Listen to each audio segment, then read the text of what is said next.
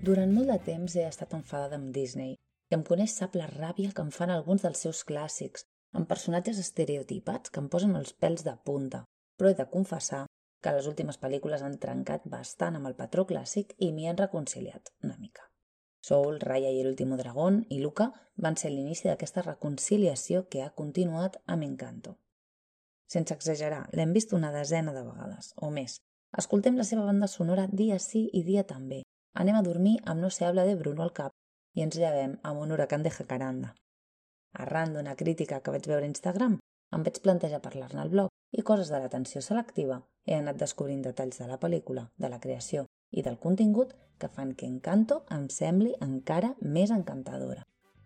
En aquesta entrada passo per sobre de cinc aspectes de la pel·lícula que destaco positivament. He fet el possible per no fer spoiler, però així tot alguna cosa hi ha. La primera és el context. La història se situa a Colòmbia, en el si de la família Madrigal, amb l'abuela al capdavant. Wow, no hay que olvidar, l'abuela lleva el show. Per situar-nos, us deixo a l'entrada un arbre genealògic de la família. Sense ser coneixedora en profunditat de Colòmbia, però basant-me en algunes de les referències que trobareu al final, penso que s'ha fet a consciència i amb un bon assessorament per tal de representar el context de manera fidel. Població, diversitat, geografia, història, biodiversitat. En aquest assessorament, Etla Liliana València ha tingut un paper important. Recomano escoltar-li, per això us enllaço un vídeo de IGTV en el que ella mateixa ho explica. El segon aspecte que destaco és el paper rellevant de les dones. En aquesta història les dones tenen un paper rellevant i és possible reconèixer en elles dones del nostre entorn o potser fins i tot a nosaltres mateixes. Totes d'una manera o d'una altra tenen la càrrega de complir amb el que s'espera d'elles per honrar la família i aportar a la comunitat, però són dones amb un gran potencial contingut. Quan aquest potencial comença a sortir, la casa s'esquerda, però lluny de ser un perill, es tracta d'una oportunitat.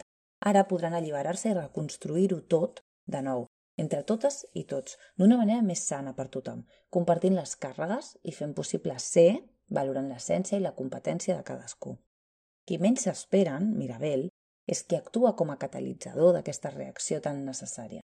Són dones fortes, diverses i imperfectes. Malgrat que inicialment les diferències semblen barreres, veiem que la sororitat impregna les seves relacions i esdevé clau a la vora del riu per recomençar. El tercer punt que destaco són els homes, homes que no salven. Hi ha tres homes adults vius a la família Madrigal.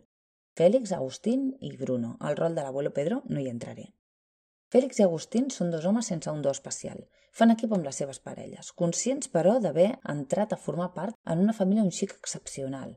I en Bruno podria fer la broma fàcil de dir que no se'n parla d'en Bruno, però no la faré. Parlem-ne. En Bruno és capaç de predir el futur, però algú va confondre predir amb determinar i va encarregar-se el missatger. En Bruno és víctima del prejudici de la comunitat. La pressió i el judici de l'entorn el porta a marxar de la família i tinc la teoria compartida amb el papa Bader, amb Carlos Escudero, que també li provoca un toc. En Bruno sí que té un pes en la resolució de la història, però de suport. El quart aspecte és el fre a l'amor romàntic. No es pot dir que no hi sigui present l'amor romàntic, perquè hi ha un fil de la història que es basa en la pretesa relació entre Isabela i Mariano. Tanmateix, d'una banda, serveix per evidenciar la situació de contenció de la noia, que per no fallar a la família i a la comunitat està disposada a casar-se, i per l'altra, el desenllaç dona peu a un diàleg de dues frases en tres paraules que posen fre a l'amor romàntic. I el cinquè és la música. A banda de la qualitat de la música de l'Immanuel Miranda, que és indiscutible, i del fet que un cop escoltes les cançons ja no te les pots treure del cap, vull destacar la importància de les lletres de les cançons d'Encanto. Amb les cançons podem conèixer més profundament els personatges i entendre els motius dels seus actes. Però com us deia a l'inici, hem vist la pel·lícula més d'una desena de vegades i cada vegada que l'hem vist hem descobert revelacions en les lletres de les cançons de fets que succeeixen més tard, autospoiler, o l'explicació incògnites de la trama, Escrivint aquesta entrada tinc la sensació de passar per cada punt molt superficialment, però és que no vull explicar massa. He escrit i esborrat molts fragments perquè entraven detalls que val molt la pena descobrir per un mateix. Si no l'heu vista, que poques deveu ser les que no l'hàgiu vist, mireu-la, mireu-la diverses vegades, pareu bé l'orella i obriu bé els ulls.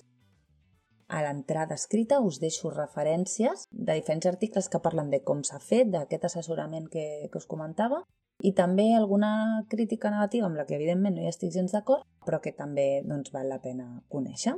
I el podcast de Buenos Días Madresfera, molt complet amb Maria Jesús Campos, que parlen d'aspectes també relacionats amb la infància, amb el desenvolupament de la persona, que val molt la pena també d'escoltar.